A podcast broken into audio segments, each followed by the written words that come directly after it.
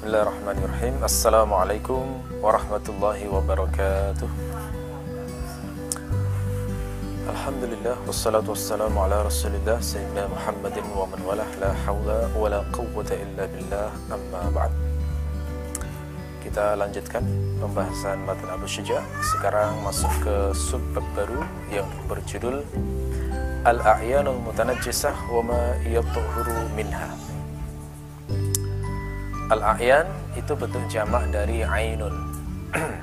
Ain di sini maknanya adalah zat atau benda.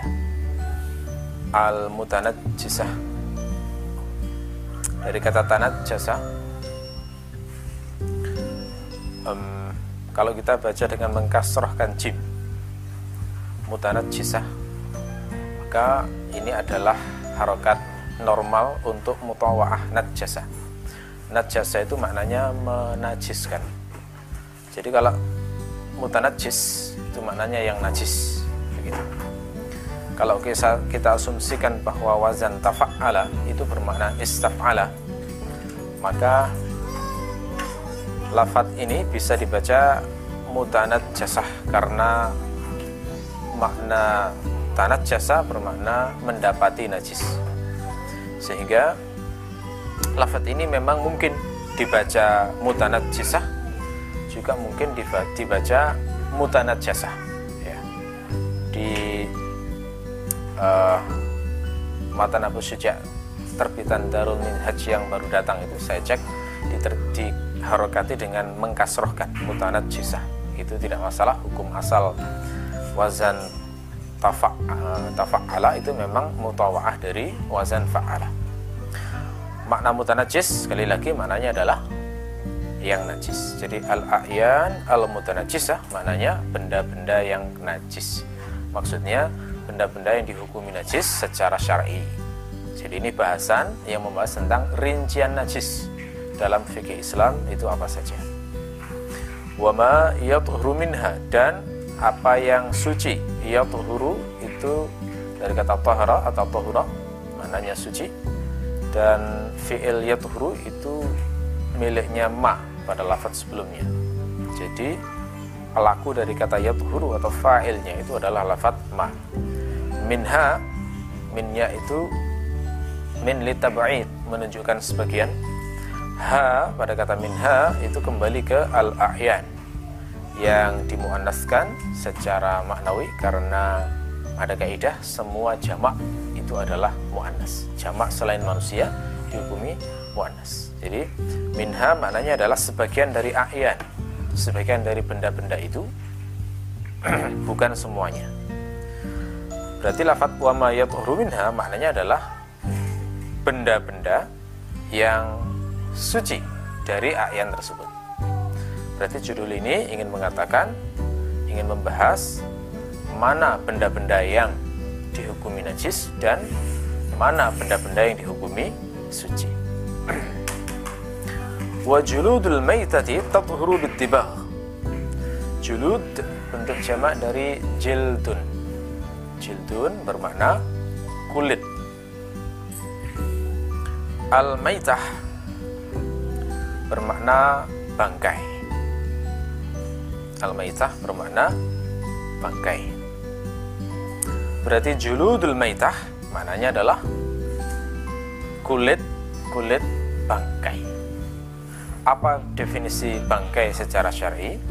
Definisi bangkai secara syar'i itu adalah semua hewan yang matinya tidak melalui proses penyembelihan secara syar'i. Maka itu dikatakan bangkai. Jadi ikan itu bangkai sebenarnya. Kenapa? Karena ikan itu nggak perlu disembelih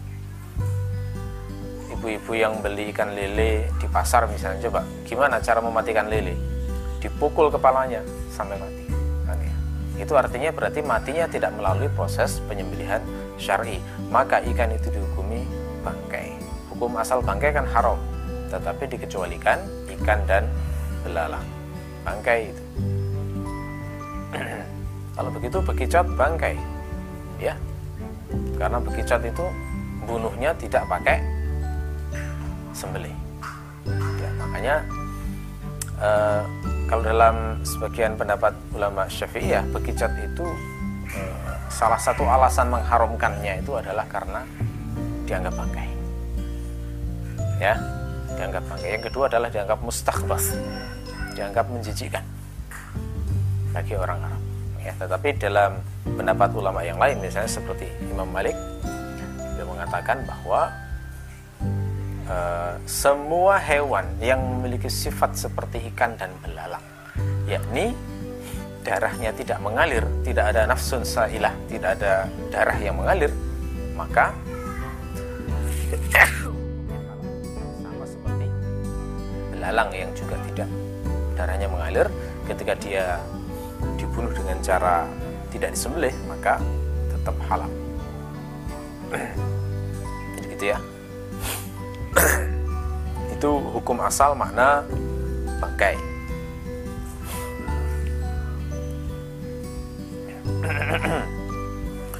Tathuru, tathuru dari kata tohara atau tohura maknanya suci bidibagh dibagh maknanya adalah hal menyamak itu master fiilnya tabagho tabagho maknanya menyamak. Tiba maknanya adalah hal menyamak maksud menyamak di sini bukan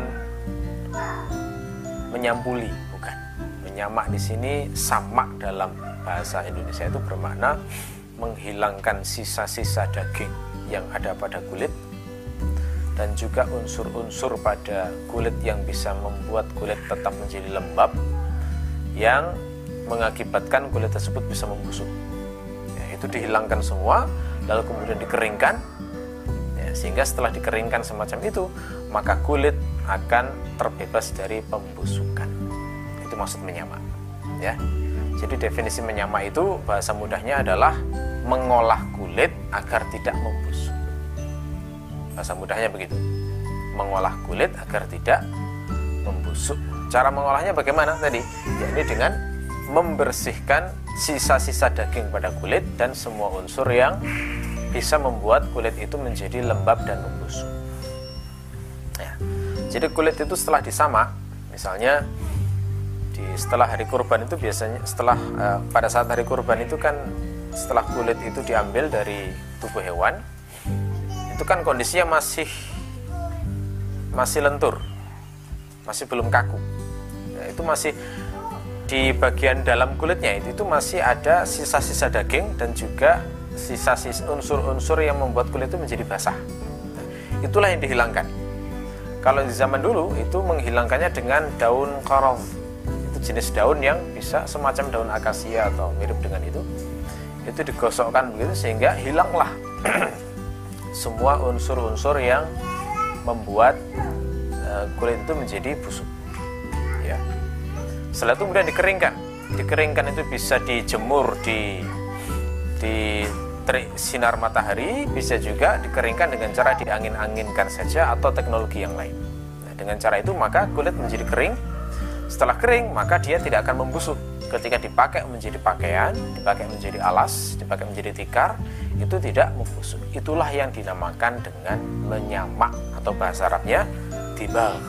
Dabagha tibal.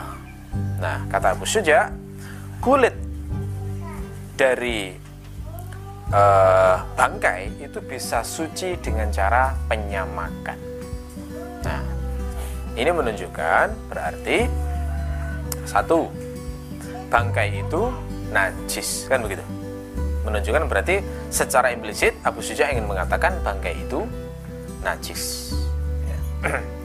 Seluruh uh, termasuk kulitnya kulitnya bangkai itu najis tapi kulit bangkai bisa disucikan dengan cara disamak itu maknanya.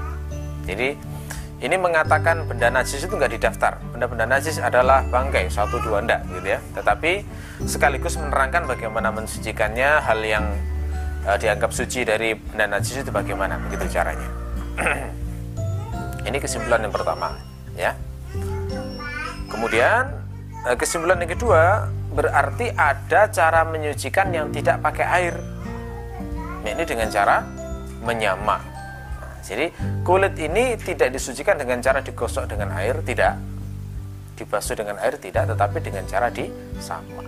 Nah ini. Jadi kalau sebelumnya kita sudah membahas tentang air, macam-macamnya, bagaimana dia punya fungsi mensucikan, ternyata air itu bukan satu-satunya cara untuk mensucikan najis, tetapi bisa juga dengan cara menyapa. Illa jildal kalbi wal khinzir kecuali ya, illa bermakna kecuali jildal kalbi wal khinzir kulitnya anjing dan babi. Maksudnya apa? Kulit anjing dan babi tidak bisa disucikan. Jadi meskipun kulit anjing itu disama, tetap najis statusnya. Tidak boleh dijadikan jaket, nggak boleh dijadikan sajadah, dan lain sebagainya. Termasuk kulit babi, apalagi kulit babi ya. Kulit babi ini kan beda dengan kulit anjing. Kulit babi itu ya lebih ini nah, mirip dengan tidak berbulu seperti anjing gitu ya. Bulu beda bulunya wa ma tawallada minhuma termasuk yang lahir dari keduanya. Maksudnya persilangan antara anjing dengan babi. Anjing dan babi kawin punya anak. Nah, itu maksudnya ma tawallada minhuma, gitu ya. Ma-nya di sini kalau diterjemahkan harfiah adalah sesuatu yang lahir dari keduanya. Minhuma itu maksudnya percampuran dari anjing dan babi. Apakah ada dalam kenyataan anjing menikah dan menikah? Kawin dengan babi?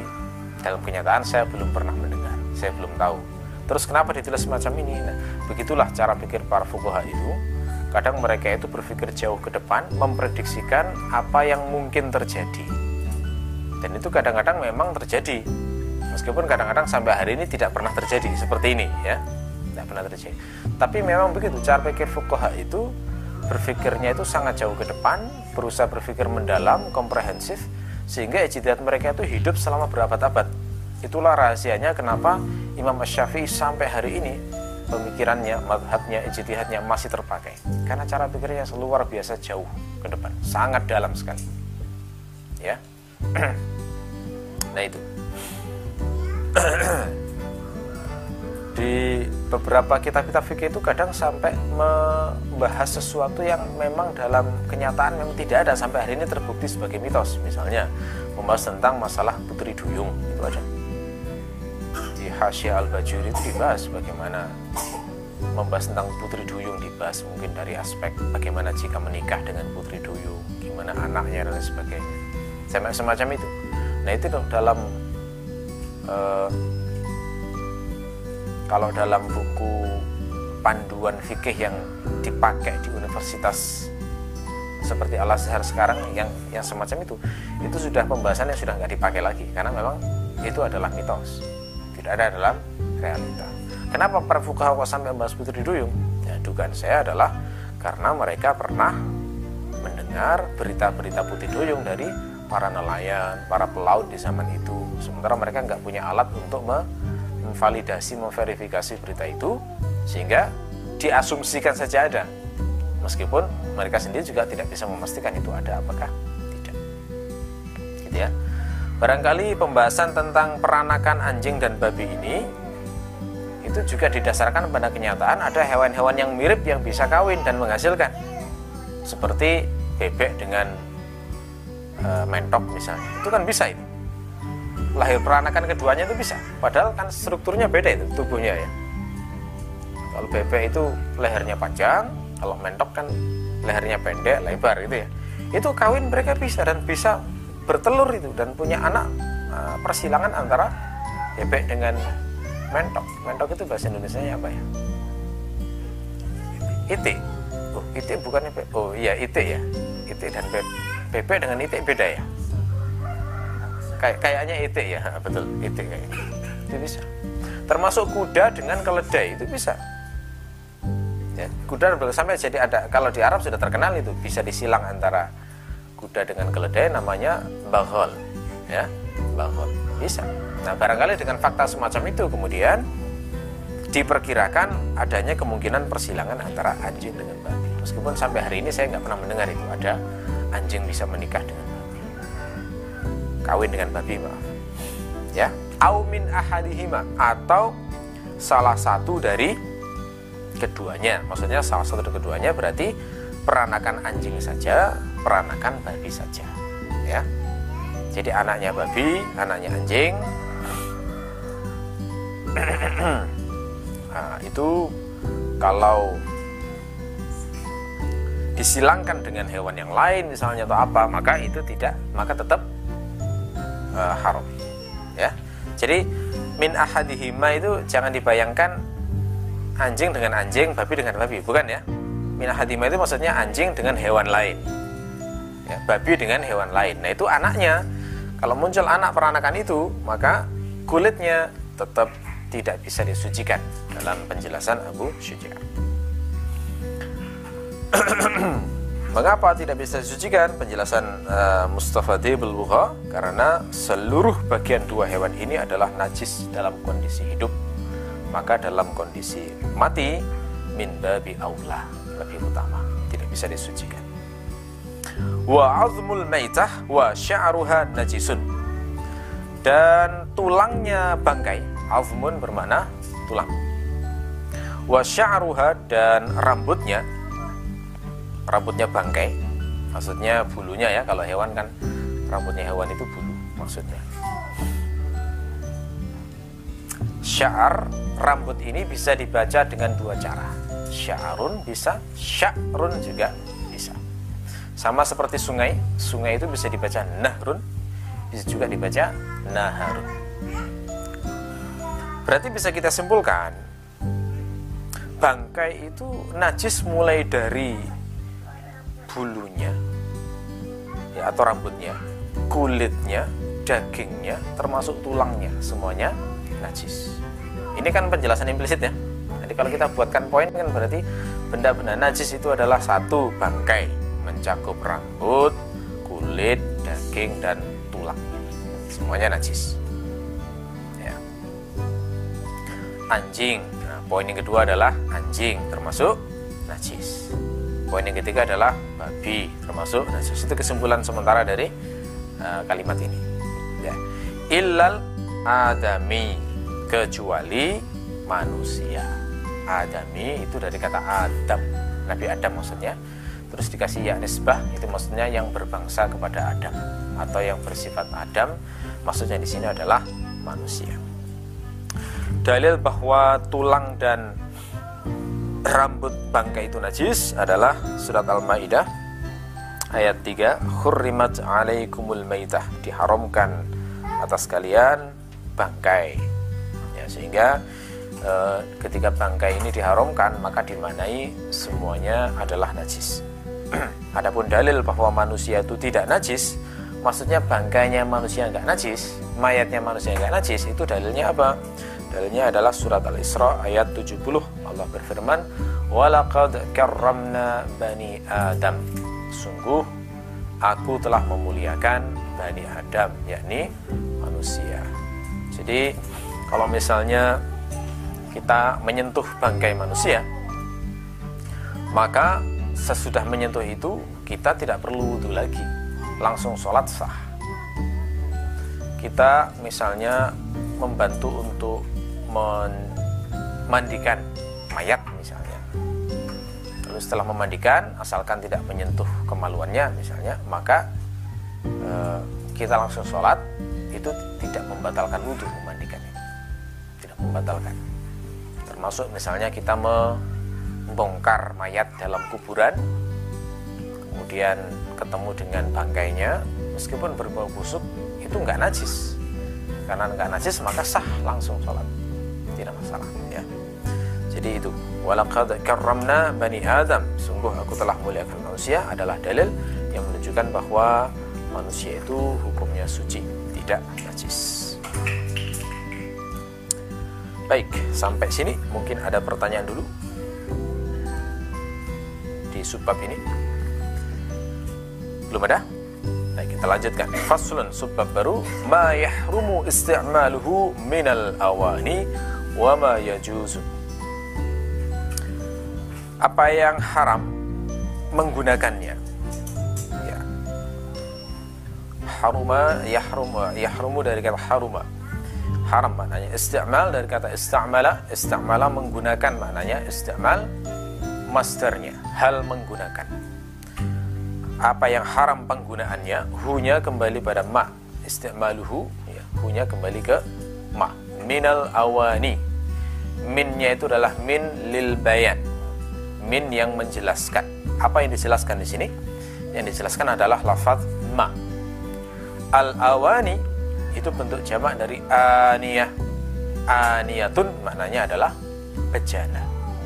Aniyatun dijamakkan jadi awani. Itu kalau alif lamnya dibuang itu yaknya jadi hilang.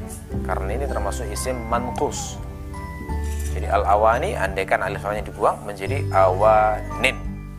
Ya yaknya dibuang. Aniyatun. Nah kalimat semacam ini berarti bisa kita fahami ma itu sesungguhnya adalah awani. Ya karena minnya menjelaskan ma. Ya, jadi seakan-akan maknanya sebenarnya adalah bejana-bejana yang haram digunakan. Gitu. andaikan ma-nya langsung kita ganti awani maka lafaznya berbunyi al awani allati tahrumu istimaluha. Begitu. Nah, tapi kemudian dengan style Arab ini diubah ini lebih indah kalau menurut, menurut orang Arab ini. Kayak bahasa semacam ini ma yahrumu istimaluhu minal awani. Nah, agak bertele-tele tapi lebih lebih indah dalam gaya bahasa Arab. Wa ma yajuzu dan apa yang boleh. Maksudnya lawannya lawannya haram yang mubah wala yajuzu isti'malu awani zahab wal fiddah. Tidak boleh menggunakan bejana-bejana emas dan perak. Azhab bermakna emas. Kalau ada alif lamnya. Kalau nggak ada alif lamnya zahaba maknanya pergi gitu ya. Di zahaba fi'il dan azhab isim. Wal fiddah bermakna al fiddah perak jadi tidak boleh memakai bejana emas dan perak. Haram hukumnya memakai bejana emas dan perak. Mungkin timbul pertanyaan, apa hubungannya dengan bab toharoh? Kenapa di sini kok dibahas tentang masalah bejana? Jawabannya adalah karena bejana itu wadahnya air untuk bersuci. Salah satu fungsi wadah adalah menampung air untuk bersuci. Ketika di sini diharamkan untuk memakai bejana emas dan perak, itu dalam mazhab Syafi'i memiliki konsekuensi hukum. Orang yang berwudu dari air yang bejananya terbuat dari emas dan perak tidak sah. Begitu konsekuensinya. Jadi itu hubungannya dengan taharah, ya. Tapi menggunakan bejana emas dan perak ini bukan hanya haram untuk bersuci, semuanya untuk wadah makan, wadah minum, semua wadah, ya, wadahnya lombok, wadahnya bumbu, semuanya kalau pakai emas dan perak tidak boleh. Wa isti'malu ghairihima minal awani dan boleh menggunakan selain keduanya hima kembali ke emas dan perak minal awani yakni dari bejana-bejana itu. Berarti bejana-bejana yang terbuat dari besi dari tembaga, dari kuningan, dari kayu, dari logam-logam selain emas dan perak, maka itu boleh. Bahkan termasuk logam-logam mulia selain emas dan perak. Piring dari intan misalnya, kalau ada ya. Piring dari yakut, ya, zabarjat dan lain semua. Semua batu-batu mulia itu kalau misalnya ada, tidak masalah. Karena yang dilarang adalah emas dan perak di sini sehingga kita tidak bisa mengharumkan apa yang tidak disebutkan dalam dalil. ya. Apa dalilnya yang menunjukkan keharaman memakai bejana emas dan perak? Dalilnya adalah hadis riwayat Bukhari dari sahabat Abu Hudzaifah. Jadi suatu saat diceritakan Abu Hudzaifah itu minta untuk dihidangkan air uh, oleh pembantunya. Nah, pembantunya kebetulan seorang majusi. Maka Majusi ini memberinya air minum dengan menyerahkan gelas pada tangannya. Jadi gelas pada tangannya ternyata gelasnya itu terbuat dari itu emas atau perak ya, saya belum bisa periksa, uh, meriksa syarahnya. Dan ketika diberikan begitu, maka oleh Hudzaifah langsung dilempar. Jadi gelasnya itu langsung dilempar. Kemudian Hudzaifah mengatakan, laula anni nahaituhu ghaira marratin wala marratain. Ya. seandainya saja aku bukan telah melarangnya uh, sekali atau dua kali ya perawinya mengatakan ka'annahu yaqulu lam afal maka aku tidak akan melakukannya. Maksudnya begini kalau saja aku tidak sudah pernah mengingat melarangnya sekali lebih dari sekali maka saya nggak akan melemparkan gelas ini. Karena dia sudah kuingatkan berkali-kali maksudnya agar jangan menghidangkan dengan bejana yang terbuat dari yang dilarang Rasulullah. Maka sekarang saya mengingatkannya dengan cara melemparkan gelas tersebut. Ya terus beliau mengatakan walakin misami'tu Nabi sallallahu alaihi wasallam yaqul. Ya akan tetapi aku mendengar Nabi sallallahu alaihi wasallam bersabda la talbasul harir wala fi aniyati adh-dhahabi wal fiddah wala ta'kulu fi sihafiha fa innaha lahum fid dunya walana fil akhirah. Janganlah kalian memakai sutra dan jangan pula memakai beludru dan nah, di baca ini mungkin juga difahami sutra tebal ya. Dan jangan pula minum dari bejana-bejana emas dan perak dengan dan, dan jangan pula makan pada piring-piring yang terbuat dari emas dan perak karena benda-benda itu untuk mereka di dunia maksudnya mereka itu orang-orang musyrik dan untuk kita di akhirat ini menunjukkan haram hukumnya pakai bejana yang terbuat dari emas dan perak. Oke, sampai sini ada pertanyaan, silakan. Ya, haram penggunaannya, bukan haram zatnya. Karena emas dan perak itu jelas digunakan untuk dinar dan dirham di zaman nanti. Wanita-wanita juga memakai emas dan perak untuk perhiasan. Jadi ada ya, benda-benda itu bukan haram karena zatnya, tapi haram karena penggunaannya. Sutra itu kan tidak haram bendanya, tapi haram dipakai lelaki, mubah dipakai wanita. Nah, ini termasuk kaidah penting. Jadi tidak semua yang dikatakan haram dalam nas itu bermakna haram zatnya. Kalau seperti homer, babi, kemudian bangkai, itu homer apa haram zatnya, bukan haram penggunaannya. Itu harus dibedakan. Ada lagi pertanyaan?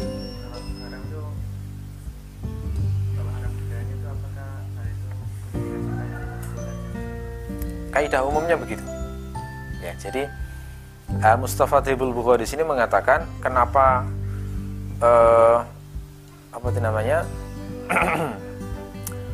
mengapa bulu kemudian kulit kemudian tulang daging semua itu dihukumi najis? Itu beliau mendasarkan pada ayat haramnya bangkai dalam Al-Quran.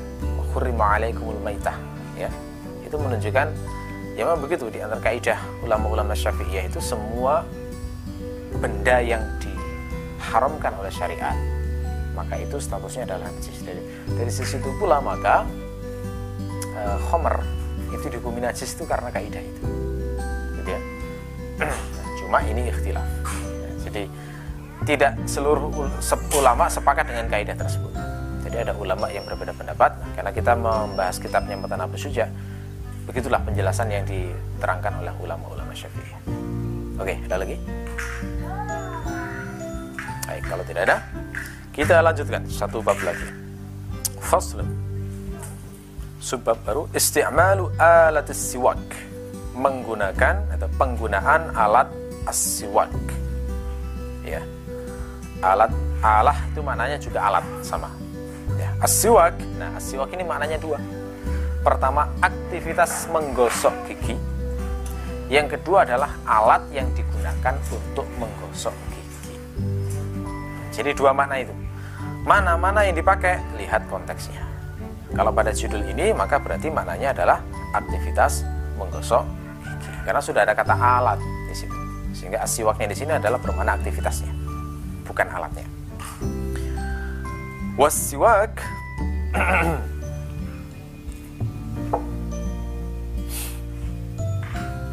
Wasiwak mustahabun fi kulli hal Aktivitas menggosok gigi itu sunnah pada setiap kondisi ya aktivitas menggosok gigi itu hukumnya adalah sunnah pada semua kondisi jadi menggosok gigi itu ajaran Islam yang sangat dianjurkan. Hukumnya adalah sunnah dalam semua kondisi. Dasarnya apa? Dasarnya adalah hadis Aisyah riwayat An-Nasai dari Nabi Shallallahu Alaihi Wasallam beliau bersabda as-siwak matharatun lil fam mardatun lirrabb aktivitas menggosok gigi itu membersihkan mulut dan membuat ridho Tuhan membuat ridho Arab Allah ya. Nah ini menunjukkan bahwa Allah itu suka orang yang menggosok giginya. Ini menjadi dasar karena tidak disebutkan waktunya kapan menggosok gigi maka dijadikan kaidah umum sunnah dalam segala kondisi illa ba'da zawal lisaim kecuali sesudah zawal bagi orang yang berpuasa.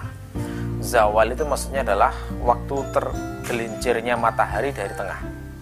Berarti adalah waktu zuhur karena zuhur itu waktu zawal. Jadi setelah zuhur bagi orang yang berpuasa itu tidak disunahkan menggosok gigi. Malah makruh hukumnya. Kalau orang berpuasa itu menggosok gigi setelah zuhur zuhur mulai zuhur sampai maghrib ya. Ini nggak dibedakan apakah puasanya puasa sunnah atau puasa wajib. Dasarnya apa? Ke kemakruhan atau tidak disukainya menggosok gigi bagi orang berpuasa dasarnya adalah hadis riwayat Al Bukhari dari Abu Hurairah. Uh, beliau mengatakan anna Rasulullah sallallahu alaihi wasallam as-siyamu junnah fala yarfuth wala yajhal wa in imru'un qatalahu aw syatamahu falyaqul inni sha'im marrataini والذي نفسي بيده لخلوف فم الصائم أطيب عند الله تعالى من ريح المسك bahwasanya Rasulullah Shallallahu Alaihi Wasallam bersabda puasa itu perisai maka janganlah orang berkata kotor dan jangan pula berbuat bodoh jika seseorang itu mengajak berkelahi atau mencacinya, maka katakan, sesungguhnya aku berpuasa sebanyak dua kali. Demi zat yang jiwaku berada di tangannya, sungguh bau mulut orang yang berpuasa itu lebih wangi di sisi Allah daripada bau parfum. Nah, ini Allah mengatakan melalui uh, Rasulullah bersabda bahwa bau mulut di sisi Allah bau mulut orang berpuasa di sisi Allah itu lebih wangi. Artinya Allah suka dengan bau mulut orang yang berpuasa itu. Nah, bau mulut itu biasanya terjadi sesudah zawal. Ya, setelah waktu zawal itu baru berubah bau mulut itu. Nah, kalau orang menggosok gigi, maka itu akan menghilangkan kholuf bau mulutnya orang berpuasa itu. Sehingga menghilangkan kholuf menjadi dimakruhkan. Ya. Nah, berarti ya istidlalnya itu bukan eh, penetapan waktu zawal itu istidlalnya bukan karena ada nas tetapi karena dida, bukan didasarkan pada mantuk nas tetapi didasarkan pada fakta yang merealisasikan makna nas. Gitu ya. Nah ini ini cara istidlalnya seperti itu. Wa fi thalathati mawadi' ashaddu istihbaban. Wa huwa huwanya kembali ke aswak ya. Huwanya kembali ke aktivitas menggosok gigi aktivitas menggosok gigi itu pada fi salasati mawadi pada tiga kondisi. Mawadi itu jamak dari maudi makna bahasanya adalah tempat. Ya. Pada tiga tempat maksudnya pada tiga situasi pada tiga kondisi asyaddu istihbaban itu lebih disukai. Ya. sangat disukai. Itu lebih disunahkan lebih sunnah muakkad istilahnya sunnah yang dikuatkan Kapan itu? Yang pertama inda taghayyuril fami. Yakni pada saat inda itu bisa bermakna zarful zaman, bisa bermakna zarful makan. Kalau dimaknai zarf makan maknanya di sisi. Di sisi dekat. Tapi kalau dimaknai zarful zaman maknanya ketika. Gitu ya. Ketika berubahnya mulut. Maksudnya berubahnya bau mulut bukan berubah fisiknya mencong kanan mencong kiri bukan. Tapi maksudnya adalah baunya. Berubah bau mulut. Min azmin. Minnya adalah min karena bermana karena taklili ya min karena ya karena apa? Azmin. Ya azmun itu maknanya adalah suku tawil. Diam dalam waktu yang lama atau tarkul akli wasyurbi meninggalkan makan dan minum. Jadi tidak makan dan minum atau diam dalam waktu yang lama itu makna dari azmun jadi berubahnya mulut karena diam yang lama. Bisa diterjemahkan begitu? Atau berubahnya mulut karena tidak makan dan minum. Memang faktanya kan begitu. Kalau kita diam lama begitu maka bau mulut pasti berubah. Makanya bangun tidur itu pasti bau mulutnya. Karena orang tidur pasti diam lama tidak makan minum selama berjam-jam. Au ghairihi wa ghairihi ya. Dan selainnya maksudnya selain azmin tadi. Jadi selain azmin itu berarti penyebab bau mulut itu bisa uh, selain dari azmin.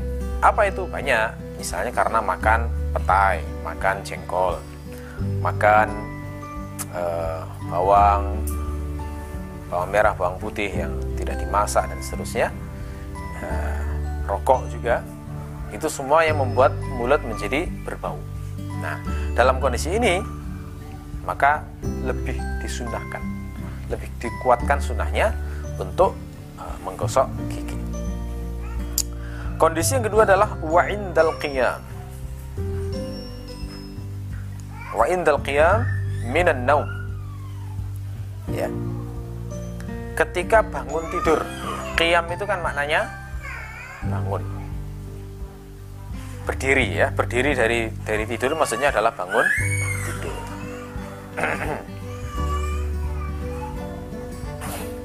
Oke.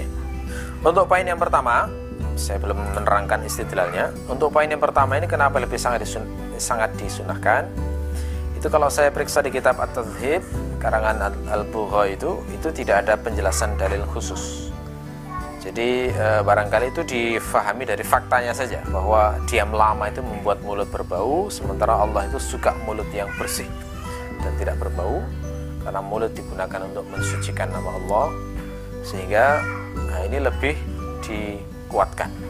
Mungkin juga difahami dari riwayat yang menunjukkan bahwa Rasulullah selalu menggosok gigi setelah bangun tidur. Ya, sehingga ini mungkin di mana semakna dengan itu.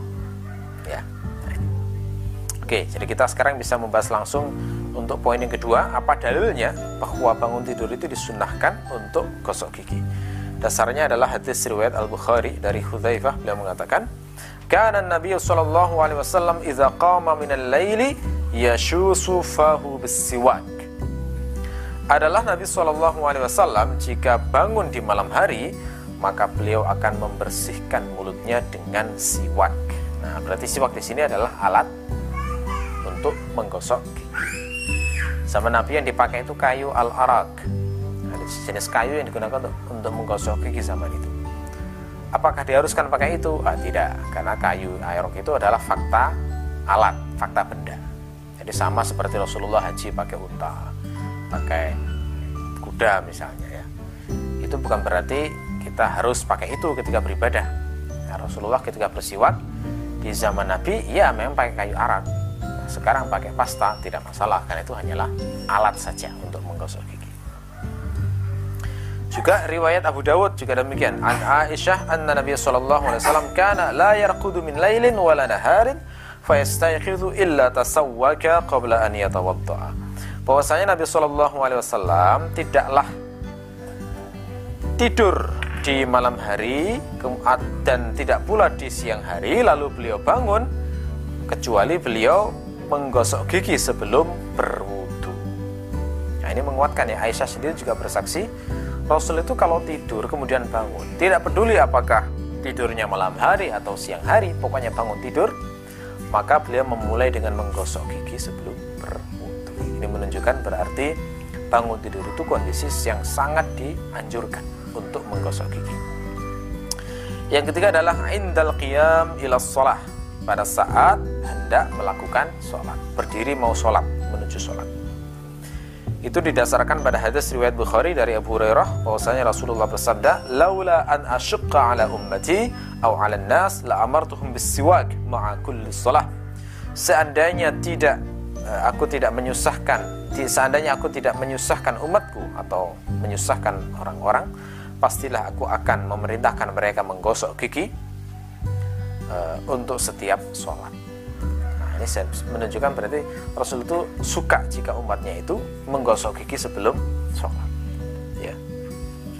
Kalau dalam hadis riwayat Bukhari itu sunnahnya sebelum wudhu. Yang riwayat yang lain ya. Uh, laula an asyqa ala ummati la amartuhum bisiwak inda kulli wudu. Seandainya tidak menyusahkan umatku, pasti akan ku perintahkan siwak uh, untuk setiap wudhu termasuk juga riwayat Ahmad dari Abu Hurairah dari Nabi. Beliau mengatakan laula an asyqa ala ummati la amartuhum bisiwak ma'a kulli wudu. Seandainya tidak menyusahkan umatku pastilah aku akan memerintahkan mereka menggosok gigi untuk setiap wudhu. Nah ini uh, dua riwayat ini satu yang bilang sebelum sholat satu yang sebelum wudhu itu uh, uh, sekilas menunjukkan bahwa maksud Rasulullah itu adalah ya sebelum sholat itu ya. Karena contoh dari Nabi itu yang diriwayatkan Aisyah tadi adalah Rasulullah itu menggosok gigi dulu sebelum itu kan menunjukkan berarti uh, orang yang sudah menggosok gigi sebelum wudhu maka maknanya berarti dia sudah menggosok gigi sebelum sholat jadi tidak perlu dua kali yang saya lihat itu kadang-kadang di sebagian musola atau masjid ada orang yang sebelum sholat itu dia bawa kayu arak itu gosok-gosok dulu giginya ya. gitu ya nah, itu sebenarnya kalau sebelum wudhu sudah sudah menggosok gigi cukup itu sudah nggak perlu lagi sebelum sholat menggosok gigi tapi seandainya lupa sebelum wudhu gosok gigi kemudian ingatnya adalah sebelum sholat kemudian bersiwak sebelum itu maka itu juga sudah cukup merealisasikan perintah bersiwak sebelum sholat